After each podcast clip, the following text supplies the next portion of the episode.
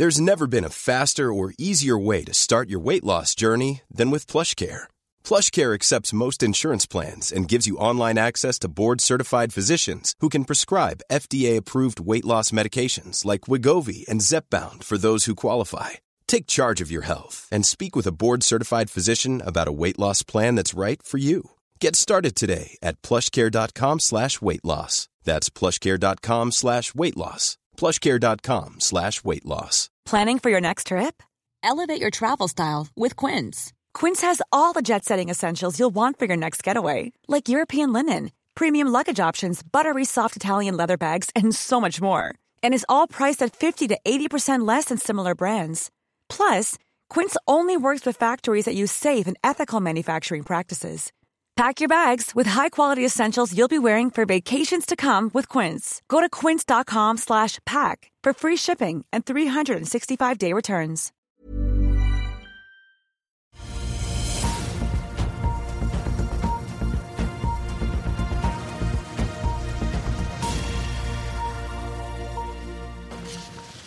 Aksjekommentator Karl A. Molnes fra Smestadammen her i Oslo. Inflasjonen skremmer markedene, mens en haug med selskaper rapporterer i dag. Hydro er en av dem, og de skuffer. Det samme gjør Crayon, som varsler krevende tider, mens Movi og Vanskass måker ut store overskudd. Kalenderen i dag preges av at også Autostore, Valinus Wilhelmsen, Viaplay, Pexip, Acastor, Ultimovax og Morrow Bank er ute med tall. Vi får også en rekke kvartalsrapporter utenlands. Cisco, Kraft Heinz, TripAdvisor og Sony er blant dem. Oslo Energy Forum sparkes i gang i dag, og John Kerry og Tanzanias president er på Oslo-tur.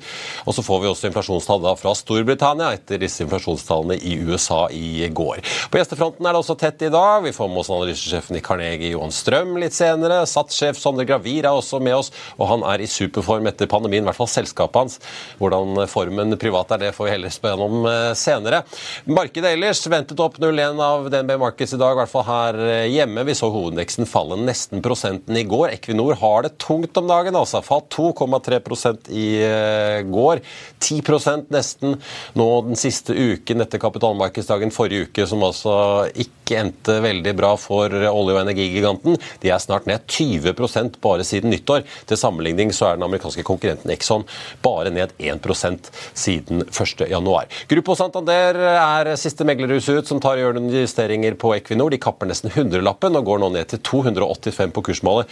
Equinor ligger jo, eh, får vi si, i hvert fall i går endte de på eh, langt over eh, det. Nå skal vi vente til vi bare får inn kursen. 2,62 ser det ut som den starter på i dag. Schibsted fikk seg et lite løft i går på nyheten om at Morgan Stanley er tilbake med en dekning. Kjøpsanbefaling har de, og kursmål 4,10. Wall Street slet da i går, ettersom vi da så at inflasjonen i januar ikke kom seg under 3% som var ventet. Vi gikk fra 3,4 ned til 3,1. Kjerneinflasjonen uendret på 3,9, og det smittet jo over på børsene. Vi så den amerikanske tiåringen spratt opp fra 4,18 til 4,33 på det meste. Dow Jones, som satte ny rekord mandag, endte ned nesten halvannen prosent. Nasdaq ned nesten 2 og småselskapindeksen Russell 2000 endte ned 4,1% Før vi kaster oss over noen nyheter som har kommet på morgenen, tenkte jeg bare å nevne også at oljeprisen holder seg ganske bra, opp en halv prosent nå, og vi begynner å snuse på 83 dollar fatet i spot-markedet. I Asia så ser vi at Hang Seng er tilbake i handelen etter litt fri under kinesisk eh, nyttår. Den ligger opp 1,1% Nikkei i Tokyo ned drøye halvprosenten. Så er det Movi, da. De har besluttet et utbytte på 1 krone og 90 per aksje, opp da fra 1,50 sist. DNB Markets hadde ventet 1,60, konsensus lå på 1,44. De hadde jo da en oppdrettskostnad i fjerde kvartal på 5,58 euro. Det er da øh, opp, nei, unnskyld, ned fra 5,73 på eh, tredje kvartal. Kostnadene er ventet å øke litt nå inn i det nye året. De fastholder guidingen for hele 2024 på 500 000 tonn, men guider litt ned nå i første kvartal. Vi har også sett at industriselskapene sliter litt eh, motgang konjunkturmessig. Hydro også uten metall i dag og skuffer. Det justerte resultatet endte på 1,2 milliarder kroner. Det er fra 5 milliarder på samme tid året før. Da var ventet 2 milliarder. Styret foreslår også et utbytte på 2,5 kroner aksjen. Det er ned fra 5,65 i mai i fjor. Og Det blir også 2 milliarder kroner til tilbakekjøp av aksjer. Vi husker også at Hydro fikk så veldig lenge siden varslet ganske store nedskrivninger på særlig da Brasil-virksomheten eh, sin. Vi skal ta en liten pause og er tilbake med satssjefen rett etter dette. Vil du bli oppdatert på det viktigste som har skjedd innen finans og næringsliv? Da er det bare å følge med, for hver morgen er jeg, Marius Lorentzen og aksjekommentator Karl Johan Malnes på plass i studio for å ta tempen på dagens marked i Børsmorgen. Og hver ettermiddag oppsummerer vi alt du trenger å vite i økonominyhetene, og det blir selvfølgelig masse interessante gjester. Klikk deg inn på fa.no-tv, eller søk opp Børsmorgen og Økonominyhetene der du hører på podkast.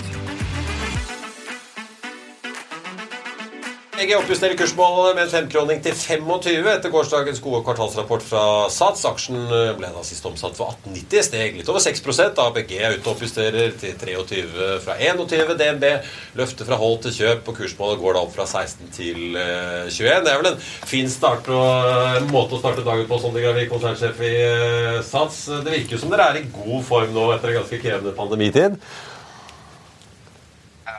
går i riktig retning. og Det er klart det er jo Hyggelig å se at også eh, aksjemarkedet og eierne våre verdsetter utviklingen.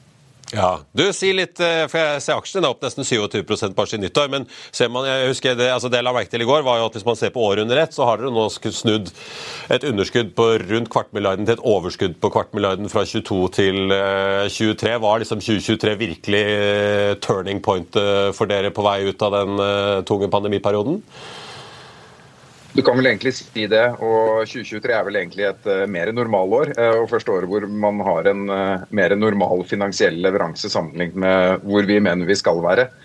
Så det har vært drevet av både medlemsvekst, høyt aktivitetsnivå og vi har ikke merket noe signifikant til den makrosituasjonen som er i markedet. Slik at medlemmene kjøper fortsatt abonnement med mye oppsalgsprodukter og tilgang til eh, store deler av nettverk og produktporteføljen vår. Så det er ikke sånn at eh, folk har begynt å gå løs på enten å ta liksom ned til enklere abonnementer eh, hos dere, eller å kutte det ut. Vi ser jo folk stramme inn på mange andre fronter i varehandelen, bl.a. Nei, vi ser ikke det. Vi ser, eh, ser, heller faktisk en relativt sett økning i oppgraderinger i forhold til nedgraderinger. Ehm, så vi ser ikke noen trender eh, som tilsier at eh, folk velger billigere abonnement. Sier litt om konkurransen nå, da, for jo, dere møter jo en bred palett av konkurrenter. En ting er jo fysiske sentre hvor du har liksom, eh, ja, du har Summit hvor du kan trene alene, til liksom EVO, en del lavpris- og selvbetjeningsløsninger hvor pris er liksom det store fokuset. Og så møter du selvfølgelig på nett eh, masse ulike konkurrenter. altså Man kan jo eh, bestille videoabonnement fra noen nede i Australia omtrent, ikke sant, hvor man kan få tilpasset et treningsprogram etter hvor man er i livet. hvordan er det dere liksom posisjonerer posisjonerer dere i et så på en måte mangfoldig konkurransebilde? da? Nei, er, eh, Du har helt rett. Altså, konkurransen eh, opplever vi vel mer intens enn noen gang i alle markedene. Litt ulik selvfølgelig fra, fra marked til marked. Eh, men det er både store børsnoterte selskaper, privateide selskaper, private equity-eide selskaper. Så det er mye kapital som strømmer til industrien. Så konkurransen er intens, både fra som du sier, tradisjonelle aktører med fysiske treningssentre som, eh, som, oss selv, men også fra digitale, digitale, aktører. Det er klart For oss er det viktigste vi må være tro mot, er konseptet vårt. Vi må være tro mot uh, medlemmene våre. Vi må sørge for at vi har uh, den beste servicen og de beste produktene og de beste medlemsopplevelsene. og Det er det vi kan fokusere på. Så kommer nok konkurransen i dette markedet til å være intens i tiden fremover også. Men ja, for Sofaen er jo selvfølgelig en stor konkurrent, og nå på starten av året så vet vi hvor mange melder seg inn og skal prøve å snu litt om på ting og bli sunnere. Men øh, hva er det som er liksom, den farligste konkurrenten ellers utenom sofaen? Er det det at folk øh, skal trene på nett og ikke kommer ut på senter og heller kjøper seg en matte og et par vekter hjemme, eller? Det var, jo, det var, jo, trenden gjennom pandemien. og Helt ærlig så trodde jo vi også at øh, både utetrening og hjemmetrening skulle befeste seg som sterkere treningsformer etter pandemien enn det vi har sett. Eh, så Vi har jo rekordsterk utvikling på besøk på sentrene våre. og Jeg tror det generelt gjelder bransjen. Mitt inntrykk i hvert fall når vi snakker med andre aktører også i Norge og i de andre landene vi opererer i, så ser, ser vi en sterk besøksutvikling. Og det er jo sånn at 80% av befolkningen er jo ikke medlem i noe treningssenter, så vi har fortsatt en, en lang vei å gå og et stort marked å vokse i. Nok å ta av. Skal vi snakke litt om hvordan dere allokerer de pengene som kommer inn? For jeg ser at driften genererer jo veldig mye mer penger nå. Altså, I fjor var det jo 1,7 milliarder i, i kontantstrøm fra driften, uh, opp fra og rundt milliarden året før.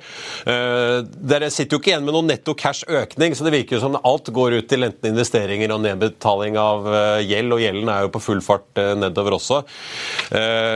si litt om hvordan dette vil se ut fremover. Er det fortsatt et stort behov for å nedbetale gjeld, eller vil dere nå på en måte frigjøre en del kontantstrøm enten til utbytter og, eller investeringer, eller begge deler? Ja, nei, men Du har helt rett. Vi, og vi var jo tydelige på kapitalmarkedsdagen i oktober 2022 at vi ønsket å styrke balansen og betale ned gjeld og bruke kontantstrømmen gjennom spesielt 2023 til å betale ned gjeld. Og Det er jo det vi har gjort.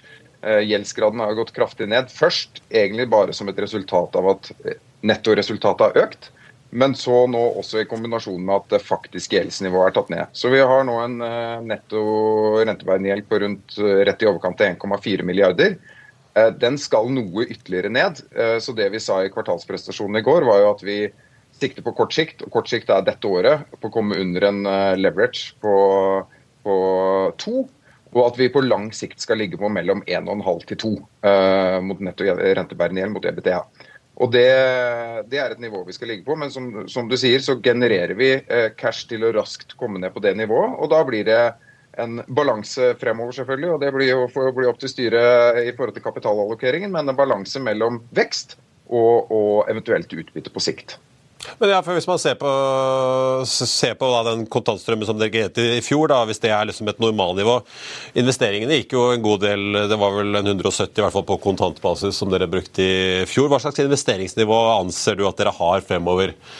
nettopp da gitt det konkurransebildet du beskriver, da, på både fysisk på sentersiden, som man må selvfølgelig vedlikeholde og eventuelt ekspandere på, og man har alt det digitale, som jo også krever voldsomme ressurser for å holde tritt med konkurrenter, enten det er Apple eller mindre aktører? Ja, nei, Vi hadde et noe lavere investeringsnivå i 2023 enn det vi kommer til å, å ha fremover. Uh, så Vi sa tydelig i går at vi kommer til å ligge på et investeringsnivå på uh, såkalt maintenance capex, ikke expansion capex, på ca. 5% av, uh, av inntektene. og Det kommer til å være det nivået vi ligger på i, i 2024, men også, også, langsiktig så kommer eventuelt expansion capex på toppen av det.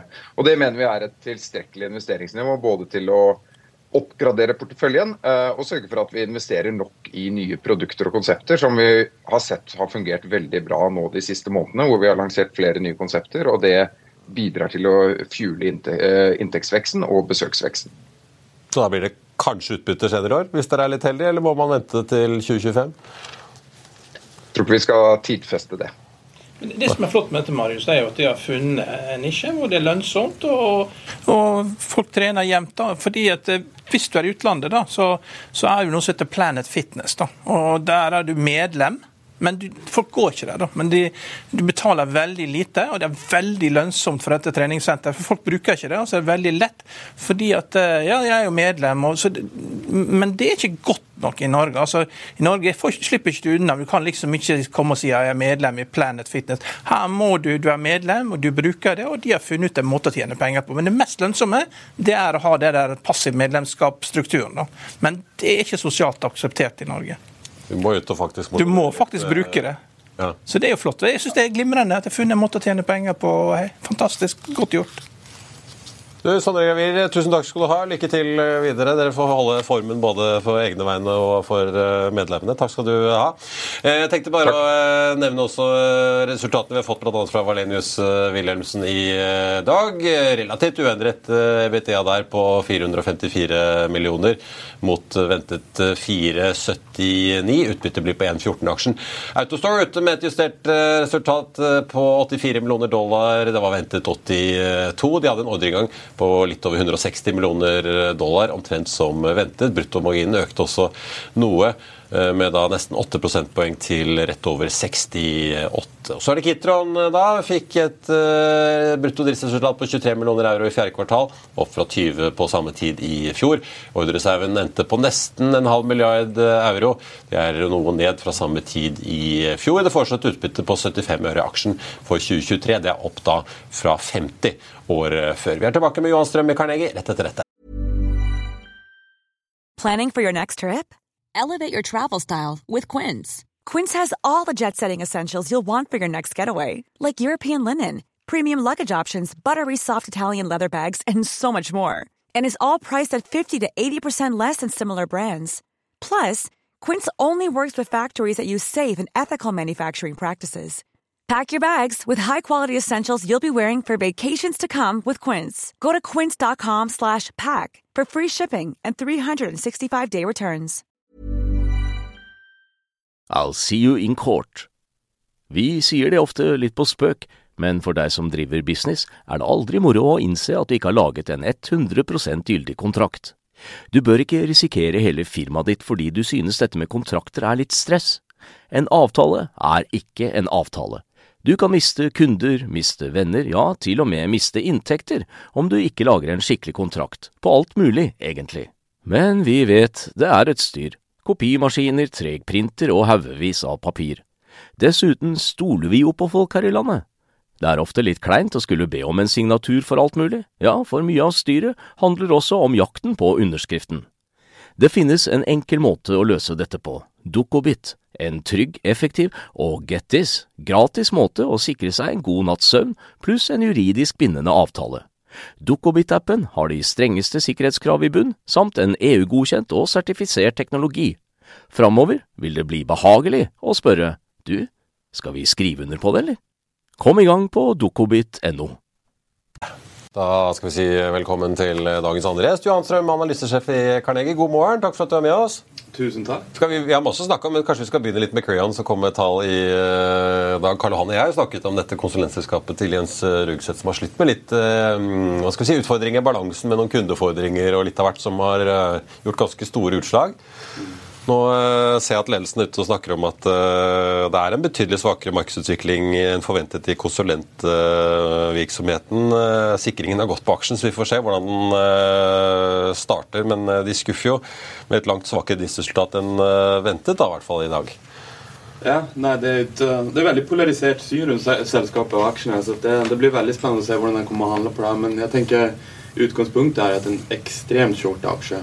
Det er veldig mange som har en negativ syn på den. og det har jo vært Egentlig alt fokus har ikke vært rundt drift på Crayon, men heller kanskje rundt uh, arbeidskapital og den her uh, kravet som de har i Filippinene. og Så vidt jeg kunne se litt sånn i det, det små på en av slides der på, på presentasjonen, så er vel har vel Microsoft steppa inn og tatt over det her. Eh, det tror jeg er veldig positivt. Så hvis den aksjen har åpna ned kraftig i dag, som jeg tror den gjorde, så kommer vi nok å se en kraftig short squeeze i løpet av dagen. Og så tror jeg det blir litt mer positiv retning på den aksjekursen.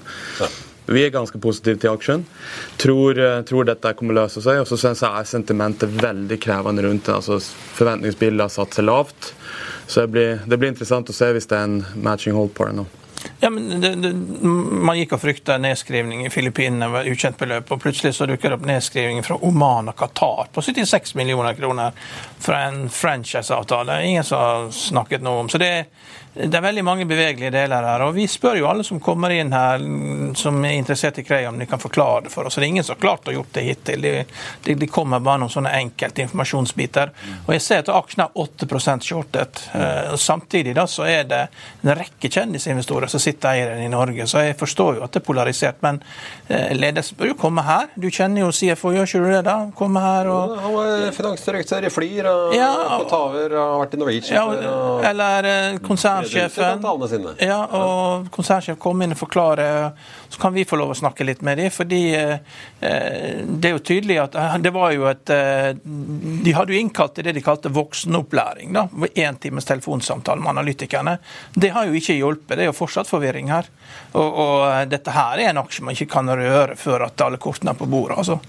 Ja, for det, men det at det er så store sprik i synet, det gjør jo at volatiliteten liksom, Hvis det blir veldig store shorter og mye Nå ser det ut til at den starter opp en kanskje snaue 4% vi får se. Men uh, likevel, det gjør det jo litt mer risky som case, da, fordi her kan jo ting svinge veldig når mm. sentimentet er så delt. Ja, men det, det, jeg syns det er en aksje som nesten den, den karakteriserer det markedet vi har nå. Det er veldig tynn likviditet generelt i markedet. Det skaper igjen store utslag på noe som ten, har en tendens til ikke å være så veldig store driver for en aksje. F.eks. et 40-50 millioners krav på en balanse som er enorm, som, som Crayon da har. da. Eh, med tynne marginer. Og får de store utslag. Eh, de store utslagene skaper volatilitet, som igjen trekker penger og risikokapital ut av den type aksjer. Som skaper en liksom, negativ spiral rundt hele selskapet og skaper disse polariserte effektene som, som, som, for oss egentlig er veldig vanskelig å fange opp og lese. sånn at uh, Det blir mye noise, ofte kanskje litt mer storm i et glass ja. enn en, uh, noe som drever de underliggende verdiene. Men jeg syns det høres ut som en, en, god invitasjon til å be selskapet komme inn. De, de skulle jo kommet med profit warning. Hvorfor gjorde de ikke det? da? Det er jo stort, stor nedskrivning, dette her. Det er jo også noe annet der. og Hvor skal du komme liksom og tape 123 millioner kroner? Liksom? Det kommer jo rett ut av det blå. Mm. Det er profit warning, det skulle vært for lenge siden. Men Den er oppover 5% nå, Karl så vi, ja, ja. det, det, virker som liksom, jo, men, shorterne og ja. Her går short og long litt sånn de prøver å finne balansen her nå. Ja, men det er en liten likviditet. Men det viser jo hvor uklart dette her er, da. Mm. Men Skal vi snakke litt uh, bredere om uh, markedet også? Vi skal snakke litt enkeltselskaper òg, men uh, tross alt du jobber i Carnegie, dere er jo ganske store i Norden. så Dere har jo en bra fil på hva som rører seg. Du snakket om tynn likviditet. Vi har sett mm. ganske store utslag på en del kvartalsrapporter på aksjer. Mm. Får vi se hvor mye Equinor ødelegger Oslo Børs i år. da. Så langt så har det vært tungt, tungt lodd rundt foten, den Equinor aksjen. Kommer det, liksom, kommer det noen mer transaksjoner og børsnoteringer? Hvordan ser det ut liksom, bak forhenget? Ja, altså vi ser vel kanskje veldig sånn latent marked, og vi venter egentlig på at risikokapitalen blir mer interessert. Og denne makropreget som vi har hatt nå et, et år, kanskje et og et halvt, setter jo veldig preg på disse tingene. Men, men det, som, det, som, vi ser, er at det ligger veldig mye transaksjonsmuligheter fortsatt i pipeline. denne berømte pipelinen, men, men, vi er ikke helt der ennå. Så vi venter jo fortsatt på at disse skal si, børsnoteringsvinduene skal åpne seg. Det har jo vært en suksess å se det som vi har gjort eh, det siste året. Det har jo vært eh, det startet med Doff, så har vi fått Nordkonsult og Rusta i parallell. og Alt har blitt store suksesser. og for Rusta var på Stockholmsbørsen, ikke sant? Ja. Mm. Det er riktig. ja. Og det, det, Flere av disse aksjene blir på en måte også litt sånn det blir folkekjære, større aksjer for veldig mange. Da. Masse aksjer, og det er veldig gøy. Vi har jo mistet en del av de aksjene i Norge, og vi kanskje kan miste et par til. Så det er veldig gøy å få en inflow av disse selskapene i tillegg. Da. Så Det som er litt spennende, er at forventningsbildet i børsnotering da vil være veldig lav. Eh, Nordkonsult har fortsatt ikke rapportert Q4, men vi ser at Pears rapporterer veldig dårlig. Konsulentvirksomheten i Crayon var dårlig. I dag vi så Sveko, som jeg syns er en veldig god pair, eh, hadde dårlige tall. Eh, rett og slett dårlig altså, um, utilization på, på, ansatte. Det her er jo Multiconsult var jo bra. Aksjen gikk opp med 10 Det er vel nærmeste peer, er ikke det det? da? Jo, jo. og så, så sitter mange der også ved brødfatet til offentlig sektor i Norge som fortsatt bare tuter og går. og det er vel ja, som jeg tror da, være en veldig stor demper i det som kanskje kan være et industrielt ned, en industriell nedtur i mye annet, spesielt innen kanskje bygg og anlegg. da. Mm. Men uh, fortsatt så ser Nordkonsult veldig sterkt ut. og jeg tror at Det er veldig viktig å ta med seg det, at en børsnotering da vil ta med seg veldig lave forventninger inn i noteringen. Og da har du et liksom drahjelp både på estimater, i tillegg til det som naturligvis også vil være en, en lav pris, for det er det som en, en potensiell investor vil, vil eh, kreve av en sånn uh, transaksjon. Så Noteringa har vært en, en, veldig interessant mulighet for mange. Dessverre så har jo størrelsen på mange noteringer eller transaksjonene blitt veldig små. Så vi håper at det åpner opp seg igjen, og vi ser jo at det er gode selskaper som kommer nå. Så åpner det opp seg igjen, så tror vi at vi kan få hjelpe til. Det er vel mange annet i Private Equity som har lyst til å sikkert få ting ut og videre og bli ferdig og få litt sirkulasjon i kapitalen sin også. Vi vet jo, og så har vi, jo, vi vet jo Sharewater på Seismikk-siden har jo sagt at de vil på børs. Kanskje det blir over sommeren i andre halvår en gang, men de har også sittet og sett litt på TGS, PGS og hvordan det går. Så vet vi også at, eller vi i hvert fall hører fra de som driver med eiendom, eh, særlig i Sverige, da, men også litt i Norge, at det skjer jo mye ting der også under overflaten i prosesser med refinansiering og restrukturering. Og, så det, jo, det, kan jo komme en god del fremover. da. Ja, men folk må kanskje se rentetoppen og bli komfortable med den? eller? Ja, så jeg tror rentetoppen den, den er sikkert nådd. Det kan være én renteøkning til. Kanskje den, den, altså den første bevegelsen er sannsynligvis ned, men det kan være en opp til. Vi ser nå det var ganske hot inflasjonsprint i går. Um, men når det er sagt, så vi er på en platå. Ja. Det er spørsmål om når vi skal ned. Uh, vi ser på inflasjonstrender. Det er ikke, det er ikke varehandel som driver lenger, nå er det servicesektoren. Uh, jeg tror at det er lagt opp til at vi kommer å få en avmatning på disse si, både inflasjons- og renteimpulsene. og Det vil selvfølgelig skape litt mer sikkerhet og trygghet til at du kan gå. Men det andre som jeg tror er veldig viktig å ta med seg, er at banker har en, bare ett ben å stå på nå, og det er på bedriftssiden. Husholdninger har ikke kredittvekst i dag. De ønsker å supportere gode selskaper. Det gjør de. Eh, det er et vekstben å stå på. Det andre er jo at kredittmarkedet er fortsatt åpent for veldig mange selskaper. Det er eh, veldig lave spredder for veldig gode selskaper, da. Som, som, i tillegg gjør at det finnes kapital å hente. Aksjemarkedet er jo kanskje noe mer ikke lukka, men det, det er tightere å få til. da. Eh, sånn at Når det åpner opp seg, så kan det plutselig bli en, en, en skikkelig catch-up-effekt av, av, spesielt de gode selskapene, som vi håper å se mer av i, i løpet av året. Ja. Du følger jo nøye skadeforsikring, og nå har du jo den stormen, eller orkanen Hans som kommer. og Det er jo sentrale østlandsområdet. Masse dyre eiendommer. Hva er det som skjer på prising av skadeforsikring? Eh, alle sier det går opp, men det ser ikke ut til at det går opp nok. da, Gjensidig sliter med å få tilbake den lønnsomheten man hadde før eh, all den uroen kom. Ja, og Storebrandsjefen vil jo ja. ha prisen opp 10 sa han i 2024. Ja. ja. jeg tror kanskje til og med enda mer. jeg, jeg, tror at det, det, det, er en veldig sammensatt bilde på skadeforsikring, men nå er det ikke volumer som driver topplinjen, det er bare prisøkninger. De prisøkningene vi ser, er eh, blant de høyeste vi har sett, i hvert fall på en 15-årsperiode. Eh, så det følger den inflasjonsmønsteret vi ser. men Eh, for forsikring så er det veldig mange komponenter som, som, som er vanskelig å fange opp. Prisøkningen er på eller over skadeinflasjon. Hvilket gjør at du forsvarer dine marginer, kanskje til og med øker dem. For det som er viktig å forstå er at Når skadeprosenten din er kanskje 70% av en topplinje, så vil samme prisøkning som du får av skadeinflasjon, ta ut en positiv nominell margineffekt. Hvilket er veldig positivt for selskaper som utgangspunkt kanskje bare gjør 15 margin. Eh, derfor er prisøkningen ekstremt viktig. For Gjensidige er det her problematisk. De lever i den, eh, det landet som har det svakeste kronene. Det er viktig å ta med seg når du skal ha reservedeler til en Tesla f.eks. Eh, I tillegg så er det mer frekvens, spesielt på motor i Norge. Det kan være relatert til den bilparken vi har med mer elektriske fôr. Ja. ja. Med høyere Hertz, En av årsakene de kuttet ned på elbiler, var jo økt skadekost. da. Ja. Ikke sant? Så det er både økt frekvens og skadekost. Og for Gjensidige, som har valgt, eller gjorde valgene å ikke gå for større strukturelle oppkjøp, og prøve å, å, å eh, forsvare det med større synergiprogrammer, som danskene gjorde, eh, har kanskje et problem i dag med at If, spesielt Trygg, har blitt såpass store og diversifisert at de ikke ser samme bekymring. De, de, har det såpass godt i dag at de tar ned sine reassuranceprogram re, altså egentlig reforsikringsdekninger for at de er så diversifisert. Det gjør igjen det muligheten for, for Trygg og Sampo til å, altså som er i If, å ikke øke prisene. Mm. Mens f.eks. Gjensidige må det. Så jeg tror at i dag så er eh, skadeforsikring blitt mye mer nordisk enn det var tidligere. Det var mer lokale eh, selskaper som styrte, styrte markedet. Jeg tror fortsatt at det kommer å bli bra over tid. Ved de første par kvartalene her nå skal vi nok rapportere ganske dårlige marginer for spesielt de norske forsikringsselskapene. Før det her begynner å løsne ved ja, andre halvår 2024, kanskje. Ja. ja, for selv om de klarer å øke prisene, så blir de spist opp?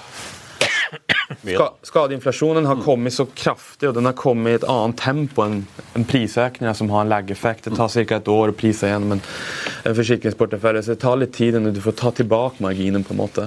Så er du bak kurven, da får du en marginskviss. Men samtidig så tjener de godt på investeringsresultat nå. Eh, det er lav butikk. Så det er ikke det vi skal betale P15 til 20 for en forsikringskonsern som Gjensidige. Eh, og, det, og, det, ser jo ikke helt bra ut nå. Nå har jo Gjensidig rapportert en veldig dårlig Q4, samtidig som både Sampo og Trygg hadde faktisk ganske gode resultater.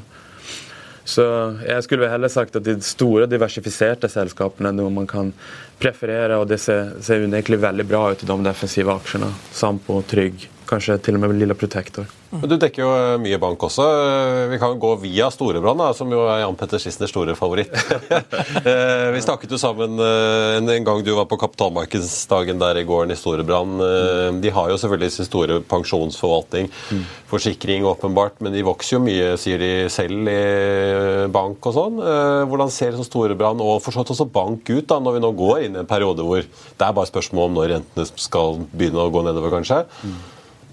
Altså, Storebrand var et veldig volatilt Man kan nesten hoppe inn på en liten sånn M&A-muligheter. Gjensidig eide 20% av Storebrand for ja, snart ti år siden. Solgte for kapitaltungt, ikke veldig lønnsomt lavmultippelselskap som de ikke trengte å eie. De hadde såpass gode vekstorganer, eller kanskje med mindre boltons. Men i dag holder Storebrand på å bli noe som er mer likt det Gjensidige var ved børsnoteringen i 2010. begynt å bli mye mer kapitalett. Mesteparten av inntjeningen kommer fra kapitalett av høy vekst, høy multiples inntektslinjer, som f.eks. Eh, tjenestepensjon i Norge og Sverige. Eh, så tømmer de balansen sin fra equity. Og det har de gjort gjennom at de har bygget opp reserver under ganske lang tid. Det vil fortsette gjennom 2024, men sen kan de begynne å tømme det her i ganske høy hastighet. Så jeg tror at EPS og, og dividender det vil være samme tall for, for, for Storebrand i årene som kommer. Lønnsomheten stiger i, i, takt med at inntjeningen har en tosifret topplinjevekst. Kostnadene ligger ganske stabilt, og balansen faktisk synker. Da. Så her går det fra 8 til 10 til 12 har vi landet på. Nå begynner vi nærme oss 14 lønnsomhet, eller ROE. Eh, og Da begynner du å komme inn på de nivåene som skadeforsikringsselskapene er. Så Storebrand er i, i, mitt perspektiv med en veldig åpen eierskapsstruktur et oppkjøpskandidat for veldig mange selskaper, inkludert faktisk også Gjensidige, der det er en ganske liten overlap. Det er kanskje ikke bare i olje og gass vi kommer til å få litt uh, M&A uh, for tiden? da? Det er 10 yield. Du får et sted mellom 8-10% yield i, i Storebrand, men du kan være betydelig mer trygg på, på, på, på cashflowen som skal egentlig supportere den gilden, da, hvor det er f.eks. bank som jeg tror kan få et ganske tøft 2025 spesielt. Ja, for de har jo hatt uh, litt bedre tider nå med uh, rentemargin, særlig på innskudd, virker det som. Uh, men nå går vi jo da inn i en periode hvor kurvene kanskje skal andre veien igjen. da. Blir det og disse banksjefene har jo smilt veldig bredt med god og ro. Apropos egenkapitalavkastning har vært veldig god i perioden, nå virker det som. Men blir det tøffere for Ida Lerner i DNB og alle de andre finansdirektørene og konsernsjefene i bankene? og Nei, jeg synes det, Når de både har lønnsvekten som er høy, og rentene kanskje skal ned?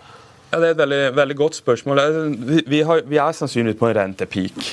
Renteplatå. Og da er spørsmålet om når vi skal ned. I dag handler du de fleste norske banker på mellom P8 og 9.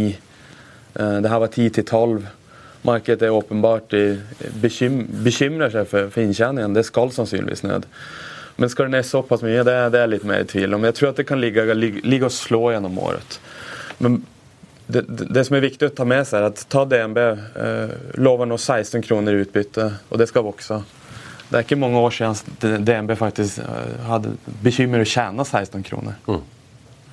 Den differansen derimellom det er ene og alene nesten drevet av renteutvikling, og det kan jo snu fort. Så jeg tror at uh, Den Q4-rapporteringssesongen vi har sett i norske banker, det har vært en stor skuffelse på kost. Det er banker som legger på seg voldsomt med kostnader. Det er strukturell kostnadsøkning, alt av IT, AML, alt av det som du trenger for å drive en god bank i, i Norge i dag. Eh, samtidig som lønnsveksten den starter på 5 og kanskje et par prosent til over det. Og Du kan gjemme deg bak der når din topplinje har en 30-40 årlig vekst da, gjennom, gjennom renteøkningene. Men nå begynner det å bli vanskeligere. Topplinjen mattes av, kanskje ikke har en vekst engang. Samtidig som kostnader og tap begynner å spise disse marginene. og Da faller lønnsomheten fort. Så vi er, vi er, vel heller litt mer den eh, altså, eller tankene rundt at bank i dag er sannsynligvis på eller nær sin peak. Ja. Det er ikke dårlig å eie. Men på relativen så finnes det kanskje bedre alternativer. Bedre steder å være. Ja, for De driver jo nå og konsoliderer, eh, Karl Johan. Eh, er det liksom en måte å men, men altså, Få ned kosten på det? S-banken, altså De tar over S-banken så legger den i internettbanken, som liksom er det som gamle folk har likt. da. Det, ja, eldre folk liker internettbank. Og så begynner de å legge det opp til Bullerbank. Du skal gjøre det til en automatisert sånn bank for yngre folk. da. Er dette så lurt? Da mister ikke du alle kundene? Må ikke du begynne på nytt igjen da? Uh, hvorfor gjør du dette? her? Er det eksterne konsulenter der ute som anbefaler dette? Hvor kommer dette fra? Ja, jeg tror du må spørre DNB, DNB om det. Men, men, jeg er jo helt enig i observasjonen. DNB tar ut ekstreme kapitalsynergier og fører inn det her. Akkurat sånn som SE Bank gjør nå når de tar over Sørøst-Norge. Ja. Benedicte tror jeg var her og ja. kommenterte på det. De kapitalsynergiene er større enn du kan gjøre på kostnader i et konkurranseperspektiv. Så den, den, alene er jo noe som gjør at du kan nesten ta en bank, legge ned deler av virksomheten og bare plukke ut kapitalsynergier.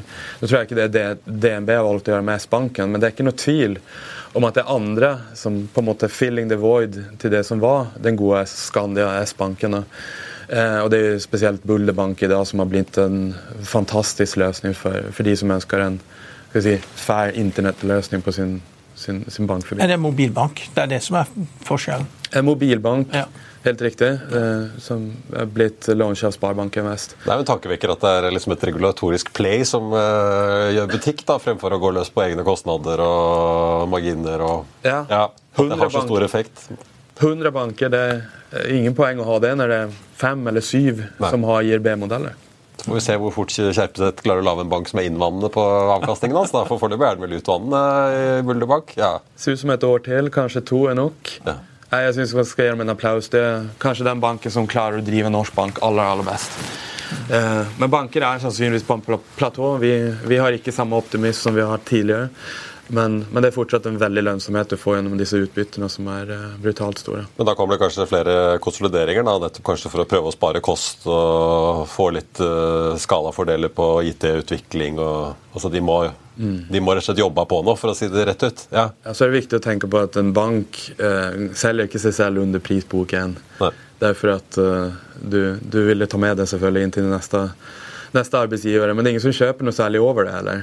Vi er akkurat der nå der alt er på prisboken, så dette er miljøet for mer konsolidering. Og vi tror at det kan bli ganske mye på sparebanksiden. Eh, Et begrep som vi har fått lansert eh, den siste tiden, er jo dividend holiday. Ja. Som danske Ørsted eh, kom med. Den var fiffig. Den var det mange som merket seg og humret litt over. Det er det jo ikke i Equinor, selv om de har kuttet det. Men et selskap som jeg gjerne ville spørre deg om, Aker der er det jo tvert imot. Det var jo en dobling av utbyttet. De begynte med skulle kjøpe tilbake egne aksjer for en halv milliard. og Guider inntektsvekst på 15% i år, og det virket som alt gikk vel og bra. Helt til du så aksjereaksjonen, og det var bare rett ned, så tenkte jeg jøsse meg, hvis ikke et dobbelt, dobbelt utbytte og masseinntektsvekst og bedre marginer er nok, hva, hva er det da som er nok? Men er det disse tre milliardene de har på konto som man ikke helt kanskje vet hva de skal bruke til, som er satt i noen rentepapirer, som er, er det som ødelegger stemningen, eller hva var det som senket den aksjen, egentlig? Nei, det er det. Det er eh, en tydelighet rundt kapitalsituasjonen som, som markedet etterspurte. Jeg Ja. tror at eh, det er den her søket et dopamin i markedet som, som kanskje løp litt fortere enn det Aker Solutions gjorde selv. Eh, For dem som husker Aker Solutions i finanskrisen, så var det et selskap med kanskje litt, mer anstrengt balanse. Jeg tror at selskapet ønsker å holde en veldig konservativ balanse. I år har de i tillegg en arbeidskapitalprofil som ser veldig negativ ut. Eh, De trenger ikke så mye cash som de har, men de har jo ikke helt ennå fått tak i den likviditeten som kommer av, av nedsalget i, i subsea-virksomheten. sånn at eh, jeg tror vi må vente litt mer innan vi får klarhet i, i hva de skal finne på. I mellomtiden så viser det jo opp markedet hva som sannsynligvis er en av de bedre investeringene i oljeservice, og det ser ut til å være deres egen aksjer gjennom tilbakekjøp. da. Men er markedet veldig sånn påpasselig med disse, alt innenfor olje at de må bruke hvis du, Litt hvis du ser hva som skjedde med Equinor. da. De ble veldig hardt straffet for å kutte utbytte og snakke om fornybare investeringer på, liksom, med en realavkastning på 4-8 fremfor bare å kaste alt i olje og gass som gir mye større avkastning. Aker Solutions faller etter at de har litt for mye penger på konto. Blir liksom disse selskapene straffet veldig med en gang de avviker liksom fra den der rene profittjaget og, Ja, det, og ha en linest mulig balanse underveis? liksom? Det er så stort eh, alternativkost i dag å ikke være investert i noe som er lønnsomt. Eh, ta et steg tilbake så kan du tenke at i det svenske markedet i dag så tror jeg 70% av, av inntjeningen på den svenske børsen har et forventet fall 24 og 23. Og det er bank, og det er industri. Eh, Da blir fokuset veldig på small caps. Det er der du har et veldig godt earningsmomentum nå. Der forventningsbildet er satt ekstremt lavt, med kanskje aksjekursfall på 50 og 70% Og For å ta det videre inn i Aker Solutions, så er jo eh, et system som har, hatt, eh, som har veldig god lønnsomhet innen subsea-virksomheten, og erstatter det med cash. Så er alternativkosten ganske stor av å ikke sysselsette kapital i noe som er lønnsomt eller betale ut til aksjonærer. Så jeg tror at det er det som heller trekker penger ut av det. Så er det veldig marginelt om det er 3 eller 4% på aksjekursen. Jeg tror, tror selvfølgelig at det, at eh, det er et system som, som kommer å finne god, eh, et godt hjem for de pengene også.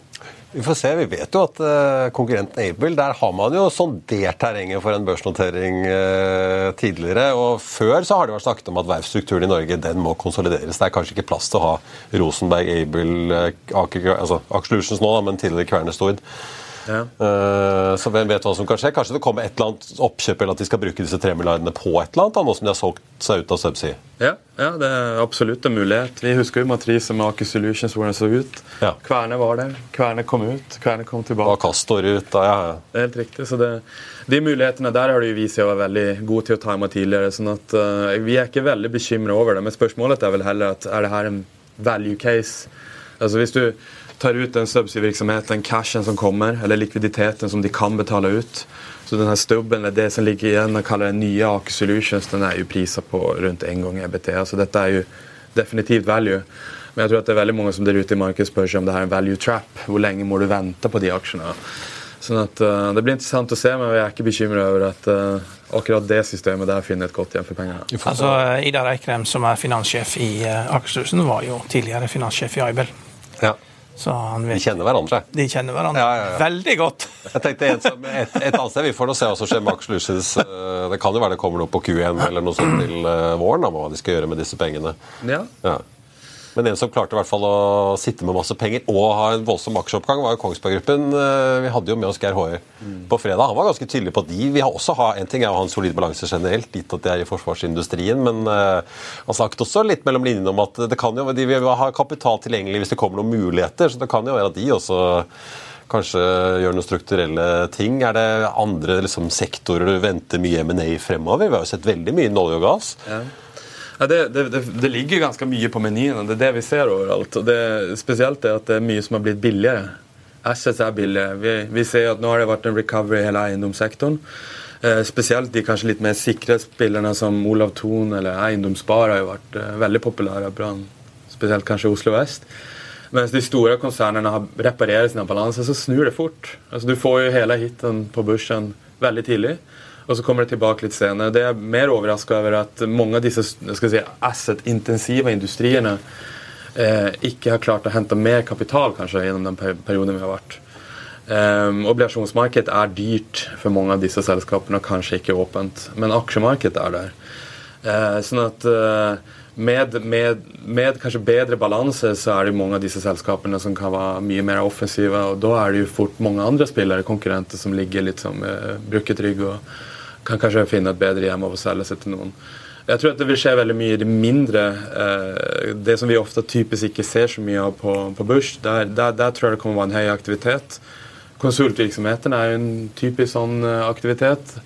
Eh, Vi var innom Nordkonsult. Jeg tror de vil fortsette å holde en høy aktivitet på sin egen M&A-aktivitet. og Det er et par personer, det kan være en gruppe mennesker, som kanskje syns det er bedre å jobbe i Nordkonsultsystem enn å gjøre det standalone.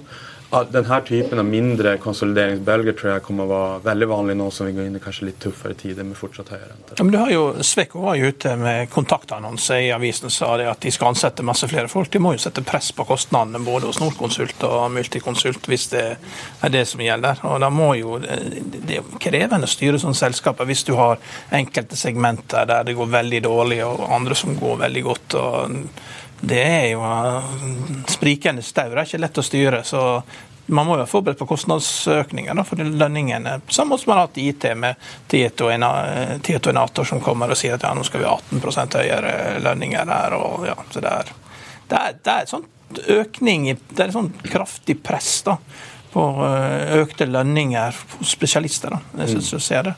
Mm, ja. Ja vi, får, vi får håpe at det går bra. Jeg er spent på denne Nordkonsult-rapporten. Jeg synes det, det blir veldig spennende å se. Pairs har rapportert ganske dårlig, med Mul- Multiconsult og bra. Um, det ser ut til å bli en skikkelig folkeaksje der. Altså det, det har gått fra null eller skal vi si, Det var 100 eiet av ansatte, og nå ser det ut til å snart bli 100% eiet av Bush. Men- et sånt-. Et sånt selskap som det er, når du legger fram første rapporten, du må jo klare å få den til å se bra ut. Ja. Det er jo kanskje verre å følge opp senere.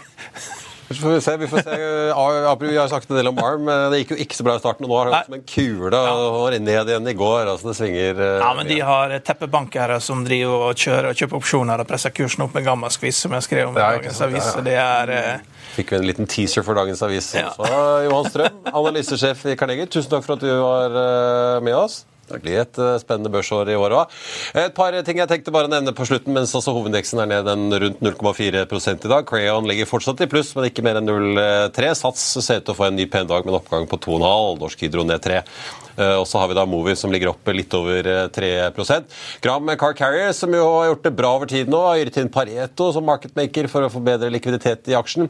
Gigante Salmon, som jo slet med stor dødelighet i en småttleveranse inntil sitt nye anlegg, sier nå at eh, produksjonen deres tas ned med rundt 50% som tilsvarer da hele denne andre småttleveransen i januar, som eh, hadde stor eh, dødelighet. og De forklarer eh, fiskedødeligheten med en rekke ulike faktorer, men de står på at det ikke er noe galt med selve anlegget deres. Og så tenkte jeg også bare slenge på for de som eh, følger med på Orkla. Jotun kom med tall i går. Orkla er jo rundt 43% der. Det ble et rekordår for malingsprodusenten i Vestfold. Omsetningen steg 14% til nesten 32 milliarder. Resultat før skatt nesten doblet til 5,9 milliarder fra 3,2. Og så er det jo også da en merkedag for mange mange da 14. februar. Datteren min har bursdag, det er det ene, men det er også Valentine's Day. og Det er kvartalsrapportdag for Evans Gass. De er oppe altså nesten 7 Så tenkte jeg bare jeg må vise dette bildet, for dette, denne dagen har ikke gått SoMe-kongen i Norsk Shipping, toppsjefen i LPG-eri Øystein Kalleklev hus forbi, får vi si. Han har nemlig vært ute i forkant og promotert dagens kvartalsprestasjon, som er klokken to. Han ba like godt da ChatGPT tegne hvordan hans Valentine's Day ville se ut. Og Det ble jo ikke helt overraskende en stor romantisk middag for to. Det på dekket av en gassfrakter, komplett med det som ser ut som små propandrevne gasslykter på bordene og greier. Så eh, her flyr også dollarsedlene i bakgrunnen. Så det er vel gode tider da i LPG-frakten. De annonserte jo da Avans at de deler ut 530 millioner kroner omtrent i utbytter nå. Det er heloverskuddet for 2023 ut døren til eierne og vel så det. 101% for å være helt nøyaktig. Og selv om ratene på LPG har falt ganske mye den siste måneden, så leverte rederiet det de selv beskriver som et enestående fjerde kvartal. Omsetningen økte fra 70 til 111 millioner dollar, og resultat før skatt nesten doblet til 62 millioner dollar. Vi ønsker i hvert fall Kalle Klev og dere alle en riktig fin Valentine's Day idet vi runder av børsmorgen for denne 14. februar. Ultimovax-sjefen Carlos de Sosa i Økonominyhetene 14.30. Siste nytt det får du på F1 nå. Mitt navn er Marius Thorensen. Tusen takk for følget. Vi ses.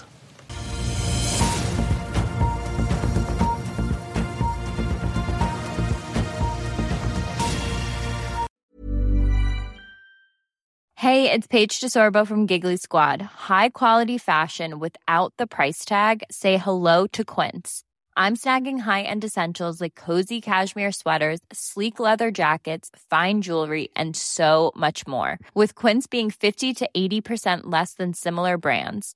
And they partner with factories that prioritize safe, ethical, and responsible manufacturing. I love that. Luxury quality within reach. Go to quince.com slash style to get free shipping and 365 day returns on your next order. Quince.com slash style. As humans, we're naturally driven by the search for better. But when it comes to hiring, the best way to search for a candidate isn't to search at all. Don't search, match with Indeed. When I was looking to hire someone, it was so slow and overwhelming. I wish I had used Indeed. If you need to hire, you need Indeed. Indeed is your matching and hiring platform with over 350 million global monthly visitors, according to Indeed data, and a matching engine that helps you find quality candidates fast. Ditch the busy work. Use Indeed for scheduling, screening, and messaging so you can connect with candidates faster. And Indeed doesn't just help you hire faster. 93% of employers agree Indeed delivers the highest quality matches compared to other job sites, according to a recent Indeed survey. And listeners of this show will get a $75 sponsored job credit to get your jobs more visibility at Indeed.com slash podcast. That's Indeed.com slash podcast. Terms and conditions apply. When you need mealtime inspiration, it's worth shopping Kroger, where you'll find over 30,000 mouthwatering choices that excite your inner foodie. And no matter what tasty choice you make, you'll enjoy our everyday low prices, plus extra ways to save, like digital coupons worth over $600 each week. You can also save up to $1 off per gallon at the pump with fuel points. More savings and more inspiring flavors make shopping Kroger worth it every time. Kroger, fresh for everyone. Fuel restrictions apply. Økonominyhetene er en podkast fra Finansavisen. Programledere er Marius Lorentzen, Stein Ove Haugen og Benedikte Storm Bamvik. Produsenter er Lars Brenden Skram og Bashar Johar. Og ansvarlig redaktør er Trygve Hegnar.